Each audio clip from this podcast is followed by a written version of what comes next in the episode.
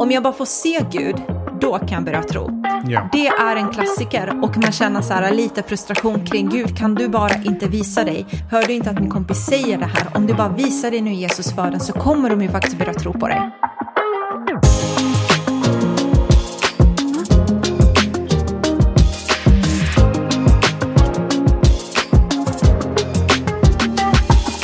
Hej och välkommen till Tro och livsstil. Det här är Heven som pratar. Och Irena här och eh, vi är fortfarande i Kroatien, vilket är till min stora glädje faktiskt. Ja, vi har Alltså, varit det här i nice. två, två veckor, eller snart två veckor. Vi åker snart hem till Sverige igen. Jag vet. eh, ja, men jag, jag, känner, jag måste ändå säga att jag känner mig ganska så mätt och klar Ja. efter eh, två veckor. Jo, Eh, den andra veckan har ju varit lite, lite bättre vädermässigt och när jag säger bättre så menar jag svalare. Ja. Eh, för de första dagarna, första veckan framförallt var kokhett alltså. Det gick upp till 36 grader eh, en av dagarna och sen har det hållit sig på typ 34-35 grader varje dag. Ja, eh, men det har varit extremt faktiskt. Ja, Eh, och, och, och det, är att, alltså det räcker att bara stå utomhus. Du behöver inte röra dig, inte göra någonting och så börjar svettet rinna. Jag vet, men jag tycker du har varit jätteduktig, Heman. För grejen är så här... men grejen är så här att du klarar inte av värme eh, generellt. Liksom. Du tycker Mm. att svensk sommar när det är 25 är det kokhett, typ. Så när vi kommer till ett land som är över 30 grader, då svettas du ju jättemycket och tycker det är jättevarmt Ja, och och- liksom och så här. Och jag kommer på nu, vi, Mm. förresten, jag vet inte, vi kanske har sagt det. Jo, vi har sagt det. Vi är ju gifta. Eh, ja, det hoppas jag Ja. att man vet, eller? Nej, men när vi, när vi, när vi, eh, när vi sover, då är, det, då är det verkligen så här. Jag, jag liksom, eh, ja, har, har ingenting på mig. Nej, jag bara, vad ska jag Försökte säga? sä- säga det på ett Ja, bättre fast sätt. du har ju kallingar på dig. Ja, men förutom det, förutom det. Ja. Och du sveper in dig i tecken och Ja. eh, huttrar och, och så. Och det där är, det är problem. Ja, det är en utmaning. Men det har blivit, för det är så konstigt, för grejen är så här, när vi, när vi går till jobbet, eh, vi har ju liksom ett företag, så vi är med anställda, och så när vi går dit, eh, då klagar alla på att jag vill ha det jättekallt. Så alla sitter och fryser för att jag tycker att det är för varmt. Men hemma så har jag vintertäcke under sommartid och här just nu där vi befinner oss så har du satt på 24 grader, 25 grader AC och jag har jeansjacka på mig och en filt runt för jag fryser ihjäl. Så jag tror att eh, jag är gjord för det här, alltså just, eh, just liksom eh, tropiskt klimat, eh, medelhavsvärme.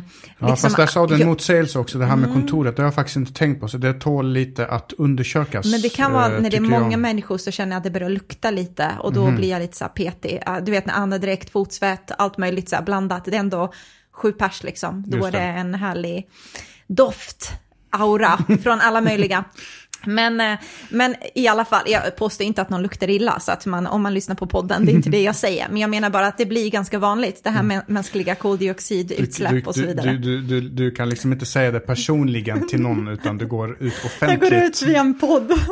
Och nästa steg är, du, eh, vi låtsas att någon heter eh, Danne. Du Danne, ska inte du lyssna på det här avsnittet? Ja, precis, tror det skulle ge dig väldigt mycket faktiskt. Nej men jag tror, eh, nej men på riktigt så att här tror jag, men jag har läst om det, att man, kroppen faktiskt anpassar sig efter, nu vet jag inte exakt hur många timmar, men det är liksom 48 timmar eller något sånt där. Så anpassar sig din kropp till det klimatet du är i. Så jag tror att jag är väldigt anpassningsbar babe. Du tror, okej. Mm. Eh, så att eh, en övertygelse har jag där kring det. För dig som inte lyssnade på förra avsnittet så snackar vi faktiskt om vad tro är och vi fortsätter kring det. Eh, vi pratar lite om missförstånd kring vad man tror är, just det här att man möjligtvis kanske inte riktigt vet. Och så eh, gick vi igenom det och pratade om vad säger Bibeln faktiskt vad tro är. Och idag så ska vi prata om någonting som också är känt i många människors liksom, munnar, eller vad man ska säga.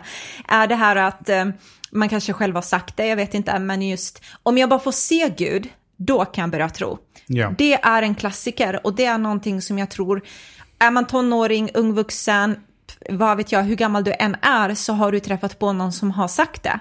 Och man känner så här lite frustration kring Gud, kan du bara inte visa dig? Hör du inte att min kompis Hör du inte att min kompis säger det här? Om du bara visar dig nu Jesus för den så kommer de ju faktiskt börja tro på dig. Ja, precis. Och vi pratade om det i förra avsnittet, att, att, att Jesus, eller Gud visade sig faktiskt Mm. på ett sätt som vi kunde förstå. För Gud kan visa sig på, på sätt som blir obegripliga för oss, på samma sätt som vi människor kan visa oss för myrorna på ett Just sätt det. som är obegripligt för dem med stora bokstäver och vi kan ropa och de inte hör och, och alla de här eh, sakerna.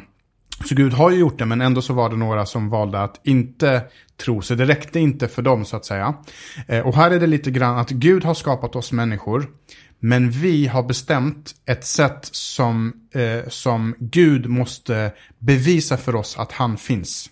Det, det är vi som sätter agendan, trots att det är han som har skapat oss, så, så är det vi som bestämmer. Och då har vi bestämt utifrån då, eh, den här frasen, om jag bara får se Gud så kan jag tro, att vi vill förlita oss på syn, synintryck och vårat eh, eh, eh, syn, eh, vad kallas det, synsinne. Ja. Vi har ju fem, sinnen Fem- tror ja, jag. Eller sex. Eller... Eller sex, eller ja, jag tror det. Nej, fem sinnen va? Sjätte sinnet. Finns det inte någon skräckfilm? film. Ja, jag tänkte också det. Vänta nu, jag kan eh, dofta, höra, smaka, känna och vad är det femte? jag vet inte, men vi har fem. Se. Ja. Ja, Jag fem vet inte om du nämnde se, jag minns inte riktigt. Dofta, känna, Men, men vi har Jo, fem, se. fem Ja. Mm. sinnen och av de fem sinnen, då har vi bestämt oss för att vi vill förlita oss på ett av dem och det är synen. Ja. Och om, vi, om Gud inte bevisar sig själv med det syn, liksom, eh, eh, sinnet, Ja. med det sinnet, då kan inte vi tro. Mm. Och det är lite märkligt, speciellt i de här tiderna där vi lever i nu med AI och vi kan fejka, det finns eh, deep fake eller något sånt fake deep eller vad det nu kallas, Mm-hmm. där man kan du kan, du kan i princip ta eh, president Obama, eh, han är inte president längre, men du kan ta Obama och så kan du få honom att säga precis vad du vill. Med hans röst, Med hans alltså? egen röst, hans eget ans ansiktsuttryck och få det att se äkta ut. Så, Fy, vad läskigt. Så vi, och, och vi har green screen, vi kan få någon och vi kan få en superman att flyga i luften trots att man inte kan flyga. Alltså Mm. vi kan manipulera så mycket och ändå så är det det sinnet som vi har valt att, att eh, förlita oss mest Ja. på. Jag tror det där är egentligen en försvarsmekanism för att man vet att det inte är så Gud har gjort tidigare i historien. Att han har inte bara ploppat upp och bara visat sig. Eh, Så att man liksom drar det kortet för att man vet att troligtvis så är chansen ganska stor att Gud inte kommer visa sig. Så därför så... Men även om han skulle ploppa upp, Ja. eh, bara okej, eh, du säger att någon varelse bara ploppade upp från Ja. ingenstans, kom följ med här till psyket. i princip. Ja, exakt. alltså, Ja, jag jag fattar. Ja, men så är det faktiskt.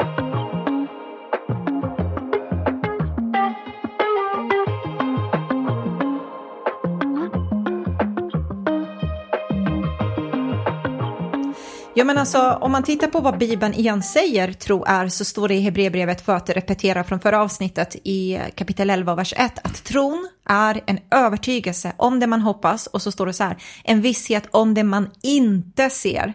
Så här blir det lite så här snopet bara aha vadå så jag behöver sätta min tilltro till något som jag eh, liksom inte ser. Alltså jag behöver ha en visshet om någonting jag inte har sett och jag behöver eller jag ska ha en övertygelse om det jag hoppas på ska hända eller är sant. Ja, och, och lite så här, så du menar att du kräver av mig att jag ska tro på någonting som jag inte kan se. Mm. Eh, det, det är lite, lite det. Och, och grejen är att det där är ju egentligen vanligare än vad man tror. För att det finns väldigt mycket saker i många olika områden i livet som vi tror på, som vi är övertygade om, som vi har en visshet om, men vi har aldrig sett det. Vi, med, med, våra egna ögon. Men kan du inte ge några exempel? För det kan vara väldigt intressant här, att faktiskt definiera lite konkret saker. Men vad är det vi har till vardags? Eller vad är det vi, hur opererar vi idag utan att vi ens resonerar kring det? Ja, ja men det, det finns många saker. Eh, en sån tramsig eh, grej. Eh, jag börjar med det tramsiga och sen Ja. så lite, lite andra saker. Det är det här, ingen har sett sin egen hjärna. Ja, nej men det, Hur- vissa, borde ju kolla om det. nej, jag skojar, förlåt. Men hur, hur kan jag Ja. veta att jag har, har en, en hjärna? För jag har ju aldrig sett min hjärna. Nej. Jo, men det finns andra saker som tyder på att människor har hjärnor. För jag kan Mm. se andras hjärnor. Ja, men då kan man ändå se andras hjärnor. Men det finns andra saker, till exempel radiovågor. Mm. Här sitter vi och eh, eh, poddar, vi spelar in i en dator som är kopplad till wifi. Men jag har aldrig sett en radiovåg i hela mitt liv. Nej. Men, men jag kan se att det finns en symbol längst upp till höger som säger att jag är uppkopplad mot internet nu. Eller jag kan sätta på radion och då vet jag, då får jag, då får jag tecken på att jag är uppkopplad mot det här trots att jag inte ser det. Mm. Och då kan jag bli övertygad om det och jag, jag liksom... Så man ser effekten av radiovågorna även om man inte ser dem. Så det kan man mäta liksom. Exakt. Ja. Eh, och andra lite mer så här vardagliga saker. Eh, och det här kan låta lite töntigt som sagt, men jag tror att om, om man bara reflekterar lite över det så kommer man inse att det är precis samma sak. När jag vaknar på morgonen eh, och så sätter jag mig vid köksbordet och så ska jag äta mina cornflakes.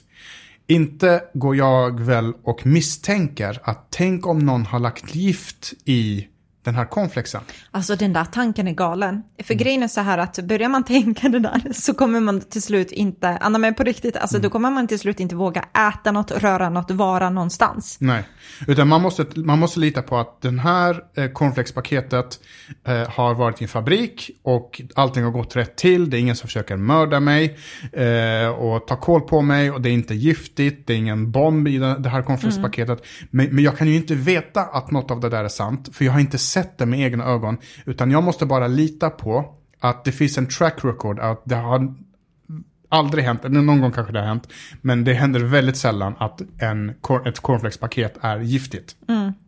Eller ett annat vardagsexempel är när Eh, när, när, när man är på stan eller när man går till en konferens och, och, så vidare så träffar man en person och så räcker man ut sin hand och så skakar man hand och så hälsar man och säger hej, mitt namn är Gustav och så säger den här personen hej, mitt namn är Lennart och så bara mm. ha!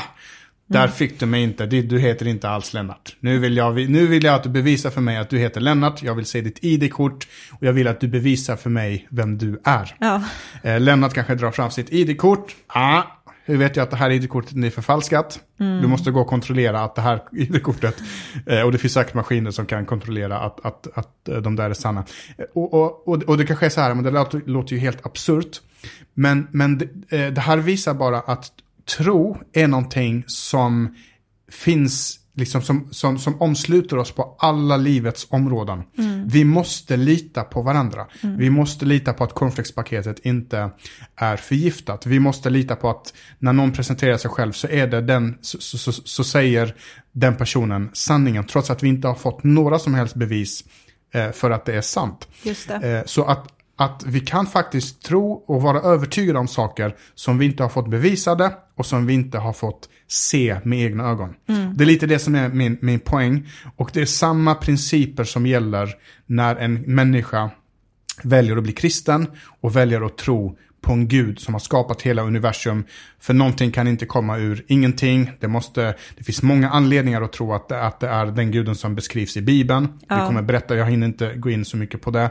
Men, men den bibliska guden matchar perfekt vad, alla kriterier som skulle behövas mm. för att skapa ett universum som det universum som vi, som vi lever i. Ja, och det är ett ämne i sig liksom som vi kommer eh, prata om längre fram faktiskt. Just det här med evolution och Gud och Big Bang och liksom vetenskap och hela den biten där mm. liksom. Mm. Men många sätter ju sin tilltro väldigt mycket till just bevis bevis som vetenskapen har liksom, mm. kring hur saker och ting är där. Ja, exakt. Och, och jag ska, ska, inte påstå på något sätt att jag är sjukt grym på vetenskap eller eh, något sånt där. Jag är väldigt intresserad, mm. så kan jag säga.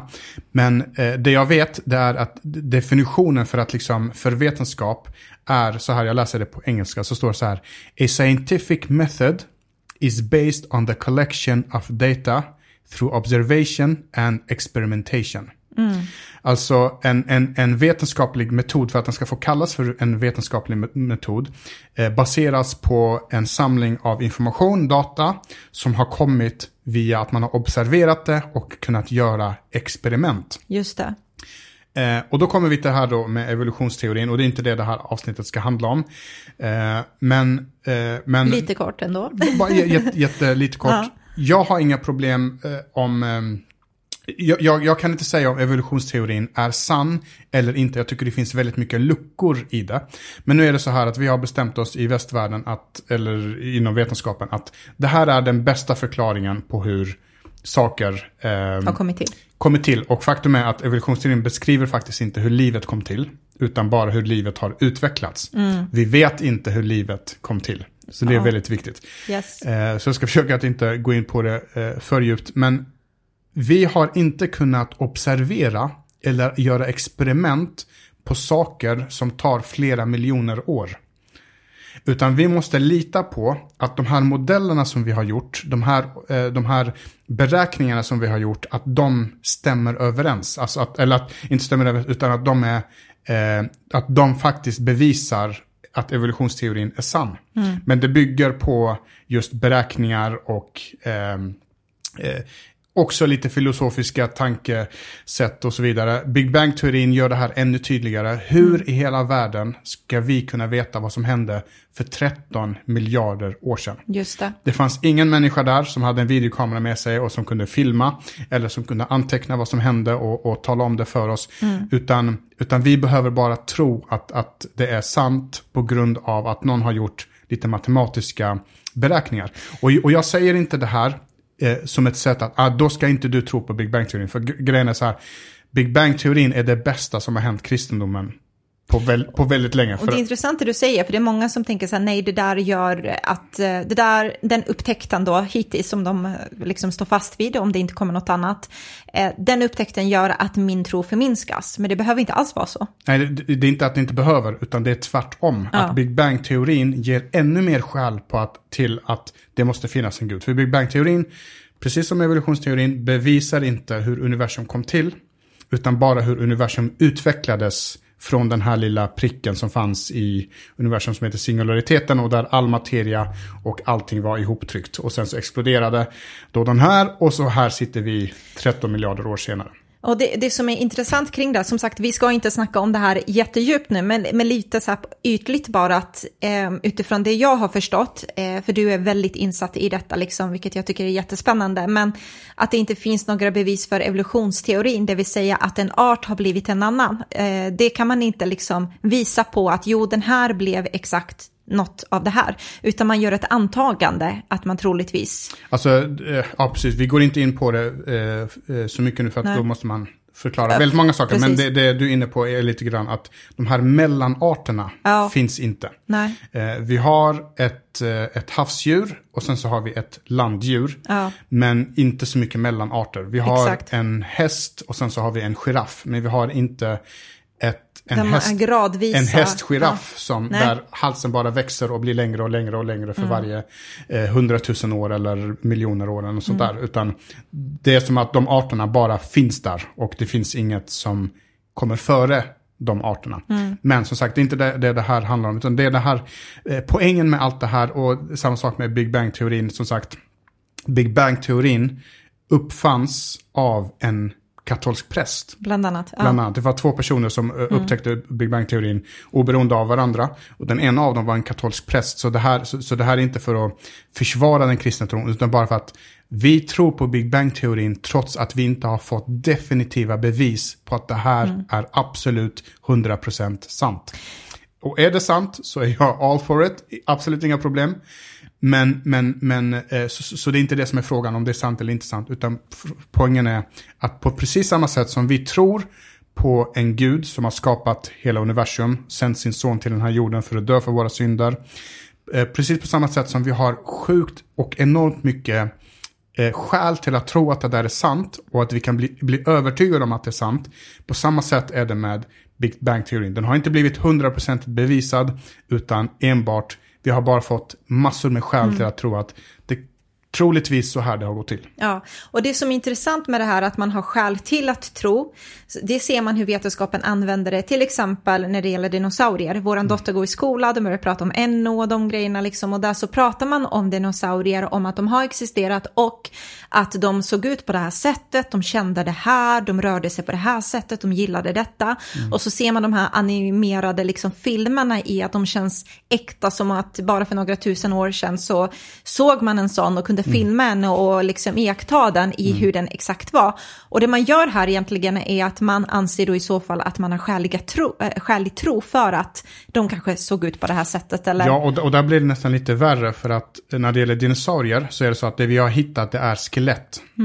Skelettlämningar och sen har vi pusslat ihop de här skeletten och byggt de här modellerna som föreställer eh, de här stora gigantiska dinosaurierna. Må hända att vi har lyckats pussla ihop de här benen på rätt sätt så att vi kan få formen av en dinosaurie. Mm. Eh, men vi, vi vet fortfarande inte hur, de, eh, hur, hur deras hud var.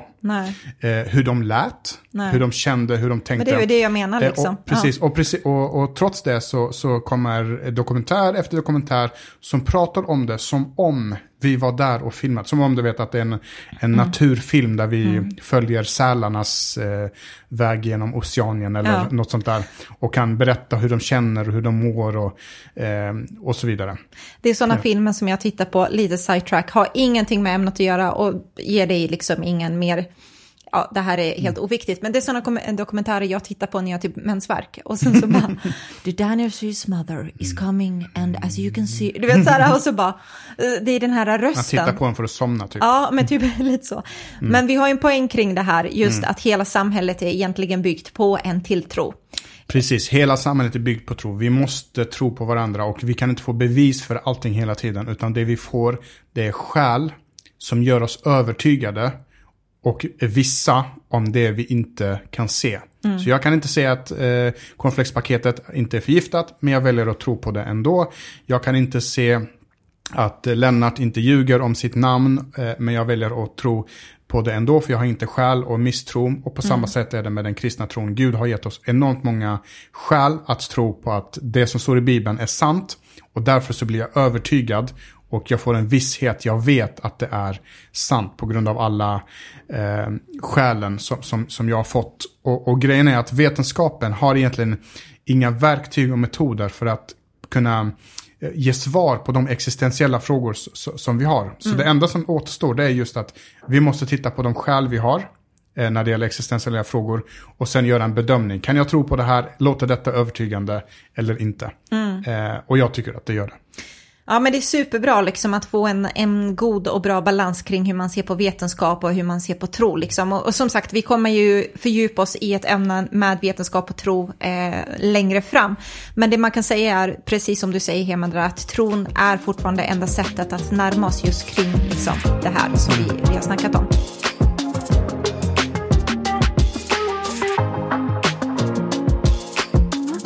Det som är intressant när man har den här mindsetet över att ja, men om jag bara får se Gud, då kan jag börja tro, så är Jesus lite annorlunda.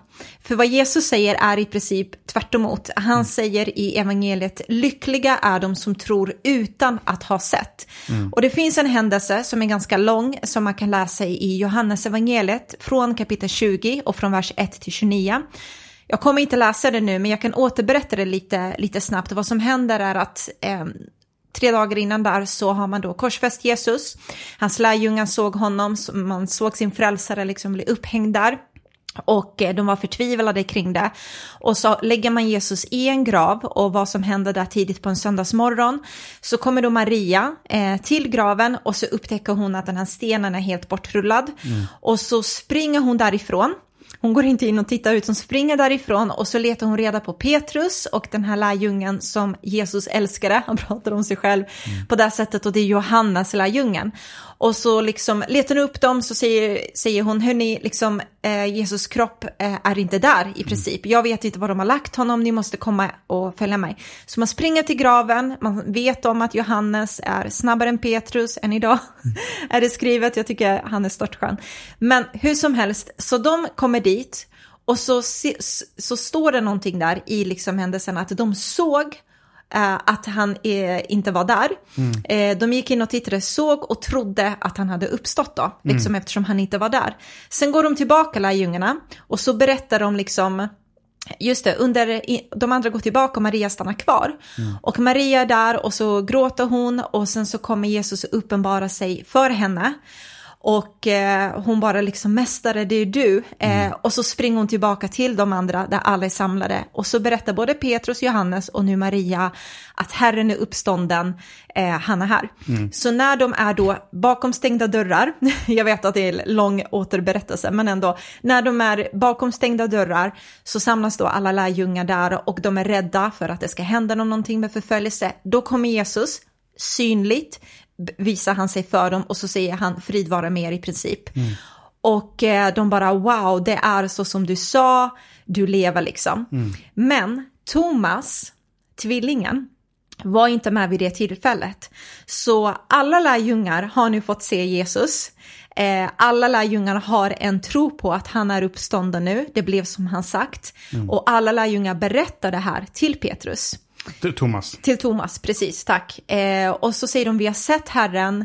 Och så säger Thomas de här orden, jag tror det inte förrän jag med egna ögon ser hålen efter spiken i hans händer och jag vill ta på dem med mina fingrar och med min hand vill jag röra vid såren i hans sida, annars kan jag inte tro. Mm. Och, och det här tycker jag är, sett, det här är så, så liksom, sätter verkligen fingret på just det som vi har döpt det här avsnittet till och det som många människor går runt och bär på, att om jag inte får se Gud, eh, då kan jag inte tro. Mm. Eh, och Thomas var den enda som inte fick se allt det här. De andra fick se det och eh, blev övertygade där, eh, därför. Men, men egentligen så var det så att det var inte bara Thomas som ville först se för att sen kunna tro. Mm. För i vers 8 så står det att Johannes får se och sen så tror han, det står sedan gick också den andra lärjungen in och, eh, till graven och såg och trodde att han uppstått. Just det. Så han fick se och trodde. Eh, och i vers 18 så får Maria se Herren. Det står att Maria från Magdala sprang då till lärjungarna och sa Jag har sett Herren. Sedan berättade hon vad, hon ha, eh, vad han hade sagt. Mm. I vers 20 så får lärjungarna se och sen tror de. Det står, så visade han dem sina händer och sin sida och deras glädje visste inga gränser när de såg sin herre. När de såg sin herre igen, står det. Eh, I vers 25 så står det, när de, när de gång på gång berättade för honom, vi har sett herren, svarade han, jag tror inte förrän jag med egna ögon ser hålen eller spikarna i hans händer, precis som du mm. eh, berättade. Så Thomas var inte den enda som hade behov av att se. Mm. Utan Maria fick se, lärjungarna fick se, alla hade sett förutom Thomas. Och nu vill Thomas också bara, precis som alla andra, också få se det här. Ja. Eh, och då skulle han kunna tro. Och, och mitt i det så kliver Jesus in igen. Ja, men han gör ju det och det är så häftigt liksom. Så när alla de lärjungarna där medans, en, ja, men en vecka senare efter att Thomas hade sagt där ungefär åtta dagar eller vad det nu var, mm. så var alla lärjungar tillsammans då samlade. Och då var Thomas med dem och där så kommer Jesus bara visar upp sig för dem, alla dörrar var, var låsta, liksom han tar inte, du vet, dörren in på ett normalt sätt och så bara plötsligt står han, står han mitt ibland dem och så säger han det här, frid vare mer. Mm. Och där så ser Thomas, och vad som händer med Thomas, det är inte sån här en kaxighet eller du vet så här, ah, nu, nu ser jag det liksom, du vet, utan han brister ut från sitt hjärta och säger liksom min herre, min Gud. Mm. Så det finns en ödmjukhet i Thomas att han bara, jag är inte ens värd egentligen att få uppleva det här liksom. Mm. Men jag sätter min tilltro eh, till dig. Och han gör det därför att han har sett. Just det. Och då säger Jesus de här sakerna som jag tror att alla människor skulle behöva höra. Som tänker just här, om jag inte får se så kan jag inte tro. Och det gör, säger Jesus i vers 29, när Thomas är där, han har precis sagt min Herre och min Gud. Så säger han så här till Thomas och alla andra. Du tror därför att du har sett mig. Lyckliga är de som inte har sett mig men ändå tror. Mm. Så Jesus vänder på den så säger han den här gången så har jag visat mig själv för, för, er och så har jag visat hålen i mina händer, hålen i min sida. Ni har fått känna på dem och det är därför som ni tror. Mm. Eran tro bygger på att ni har fått se mig. Men de som är allra lyckligast är de som inte har sett mig och ändå tror. Mm. Och man kan ju undra så här, men vilka är det han syftar på? Vad är det för grupp som ännu inte har sett liksom eh, och ändå tror? Och mm det är du och jag. Alltså mm. det är du som lyssnar, det är hela alla människor som har funnits eh, efter det här med Jesus och satt sin tilltro till honom. Eh, och det är faktiskt så att de flesta av oss tror ju trots att vi inte har sett Jesus. Mm. Eh, och det är precis det som tro är, att det handlar inte om att se, utan tro är en, en tillit till att Jesus är den han säger att han är. Mm. Tro är en tillit till att Jesus har förlåtit alla dina synder. Mm. Tro är en tillit till att Jesus är den som är bryggan mellan dig och Gud. Att han har uppstått från det döda. Ja, ja, precis. Mm. Tro är en tillit till att du har det här hoppet om att det finns en, ett evigt liv. När du dör så eh, liksom slutar inte allt existera, utan du fortsätter att leva in i en evighet tillsammans med honom om du har gjort honom till din herre. Exakt, och, och det är inte en, en blind tillit eller en Nej. blind tro, för det finns som sagt massor med skäl till att tro att det här är sant. Eh, och än en gång, det är precis på samma sätt med cornflakespaketet. Jag måste ha tillit till att Jag mm. lever i ett land där inte någon kommer försöka eh, döda mig genom att Nej. förgifta det här cornflakespaketet. Eller ID-kortet när någon, eh, eller, eller när någon presenterar sig själv och jag vill se ett ID-kort. Eh, utan jag litar på människor runt omkring mig att när de säger att de heter ditten och datten så litar jag på dem mm. för att jag är skäl att göra det. Och det är precis på samma sätt här. Det är inte så, så, så mycket annorlunda. Mm.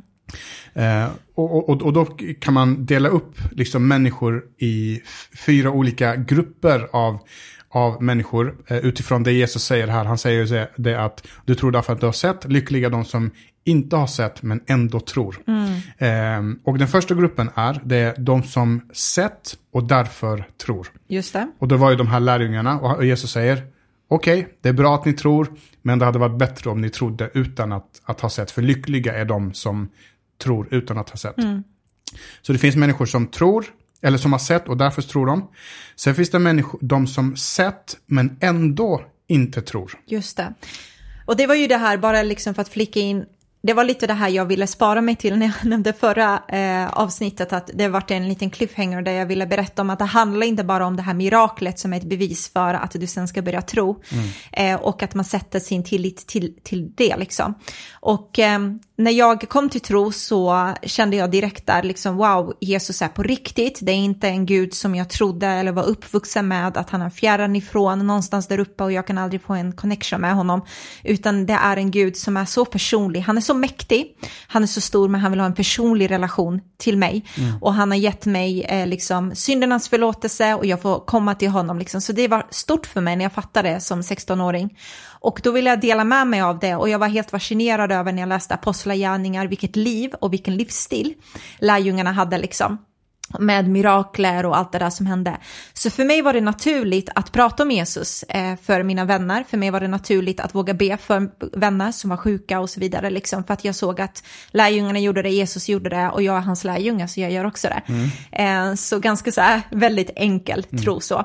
Eh, och ehm, det var ett tillfälle då jag, förresten, bara så att du vet, så jag har liksom varit med om massa så här mirakler, men det kan jag berätta om någon annan gång. Jag har mm. sett liksom döva fått tillbaka sin hörsel, jag har sett blinda få tillbaka sin syn, jag har sett helt övernaturliga grejer, vilket är häftigt.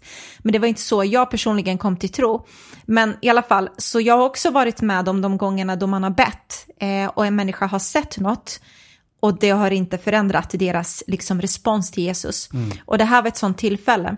Jag var och fika med en kompis, eller några, två kompisar faktiskt, eh, och så satt vi och pratade och den ena höll på med kampsport och tränade mycket och den andra höll på med dans. Eh, och hon eh, som höll på med dans hade skadat liksom höften på något sätt så att hon haltade när hon gick. Hon hade grymt ont. Mm. Och hon bara nämnde det liksom, ah, men jag har så himla ont och hon satt där och bara klagade över att hon hade ont. Eh, och den andra bara, ah, men ta Ipren liksom, eller du vet så ganska naturligt. Och då sa jag liksom till den här tjejen, tjejerna, eller till mina vänner liksom, jag bara, men hörni, ni vet att jag tror, kan inte jag be för er liksom? Jag tror mm. att Jesus kan göra något. De bara, va nu? Liksom, jag bara, men varför inte? Jag kan väl bara be en bön liksom, jag kan inte göra mer än så. Mm. Och det var De, ganska modigt får man ändå säga, att, att du gjorde det. Ja, ja, jag vet inte, eller så här, jag bara körde. Mm.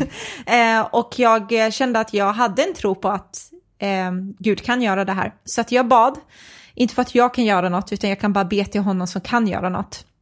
Så jag bad enkelt, i Jesu namn, smärta försvinn, bli frisk. Mm. Eh, och så hon bara, ah, tack, jag bara, men res dig upp. Hon bara, varför det? Jag bara, för vi ska se om det funkar. Lite så här, be liksom. och sen så hopp, gå därifrån och hoppas nej, och sen aldrig höra något nej, mer men om jag, det. Men jag tror också för att jag själv var så här, men gud jag vill se att du verkar liksom. Mm.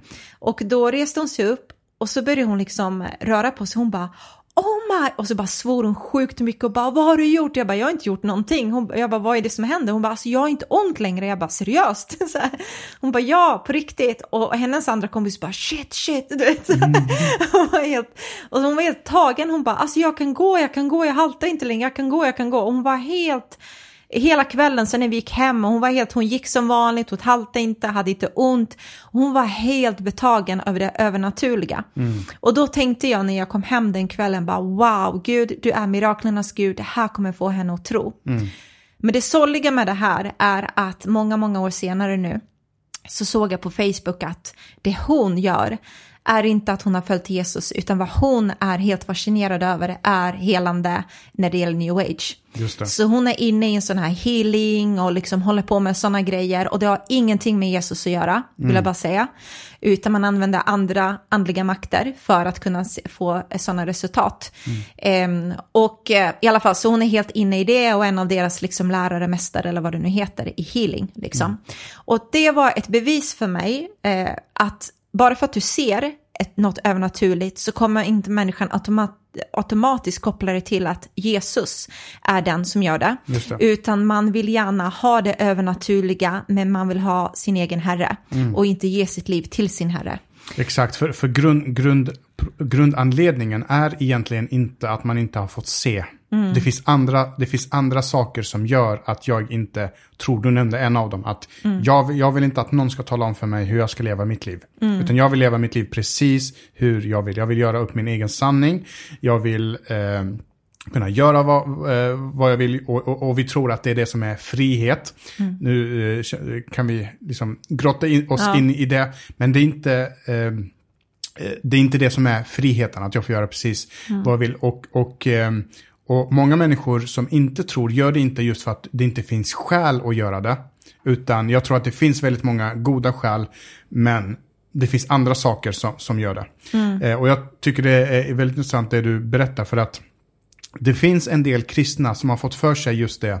Eh, och av goda skäl. Mm. Precis på samma sätt som du. Mm. Man är entusiastisk, man har fått se mycket, man har fått se Gud göra saker. Mm.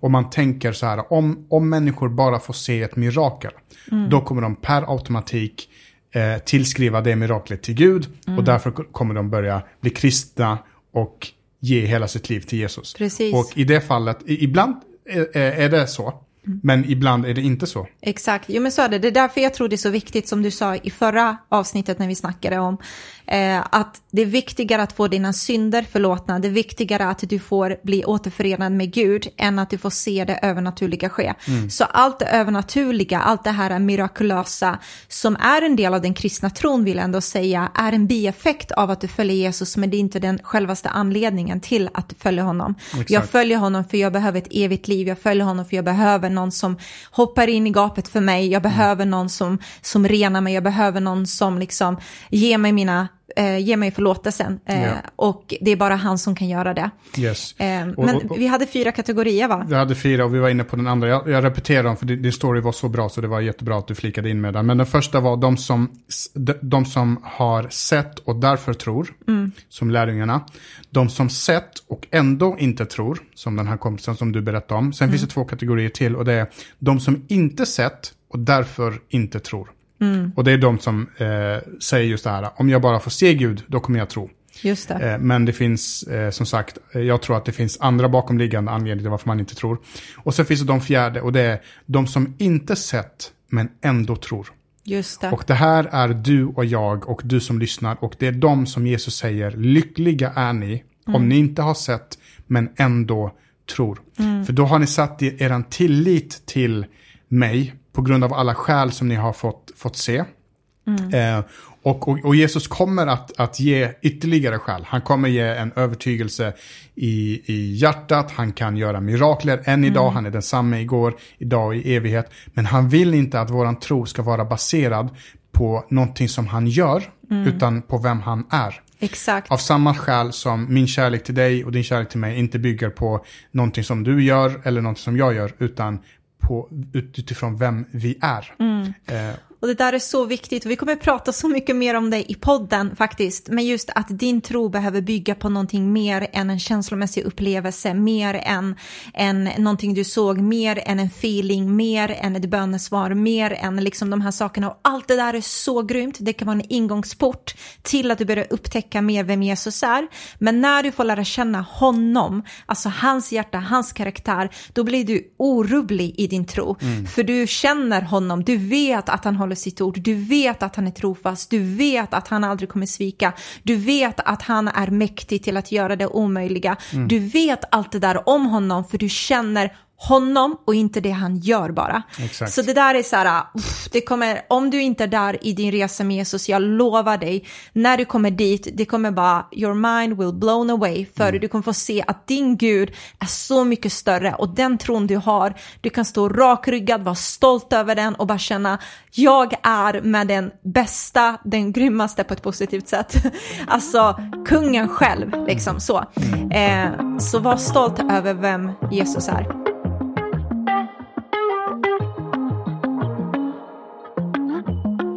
Så grymt, vi har kommit till slutet av det här avsnittet. Jag tror att vi kommer göra ett avsnitt till kring det här med tro. För det finns ett, en aspekt till som, som jag tycker att vi ska plocka fram kring det här med att se eh, och inte se och så vidare. Men eh, avsnittet har blivit långt nu eh, och eh, vi återkommer om en vecka igen och så ska vi fortsätta prata kring det här ämnet innan vi går in och pratar om eh, om livsstil. Hörru, tack för att du lyssnar. Det här är bara början på en fantastisk resa i den här podden. Eh, om du tror att det finns människor runt omkring dig som skulle få nytta av att höra det här, höra de här sakerna. Om du känner någon som har sagt just de här orden, jag kan tro bara om jag får se. Eh, så skulle det vara helt fantastiskt och du skulle eh, kunna använda det här eh, avsnittet som ett evangelisationsverktyg och dela det med den som säger just så och tänker just de här tankarna. Eh, du skulle kunna vara med och rädda någon in i evigheten genom eh, att, eh, att man får höra och kanske omvärdera eh, den här principen som man håller fast vid eh, så hårt. Ja, men verkligen. Och den här podden är till för alla. Så liksom, är man nyfiken, man vill veta vad den kristna tron är för något och man vill fördjupa sin tro, då ska man definitivt lyssna till den här podden. Yes. Så vi säger så, avrundar Ja, och så gör vi. tackar vi så hörs vi igen om en vecka. Det gör vi. Ha det bäst. Ha det underbart. Hej då. Hej då.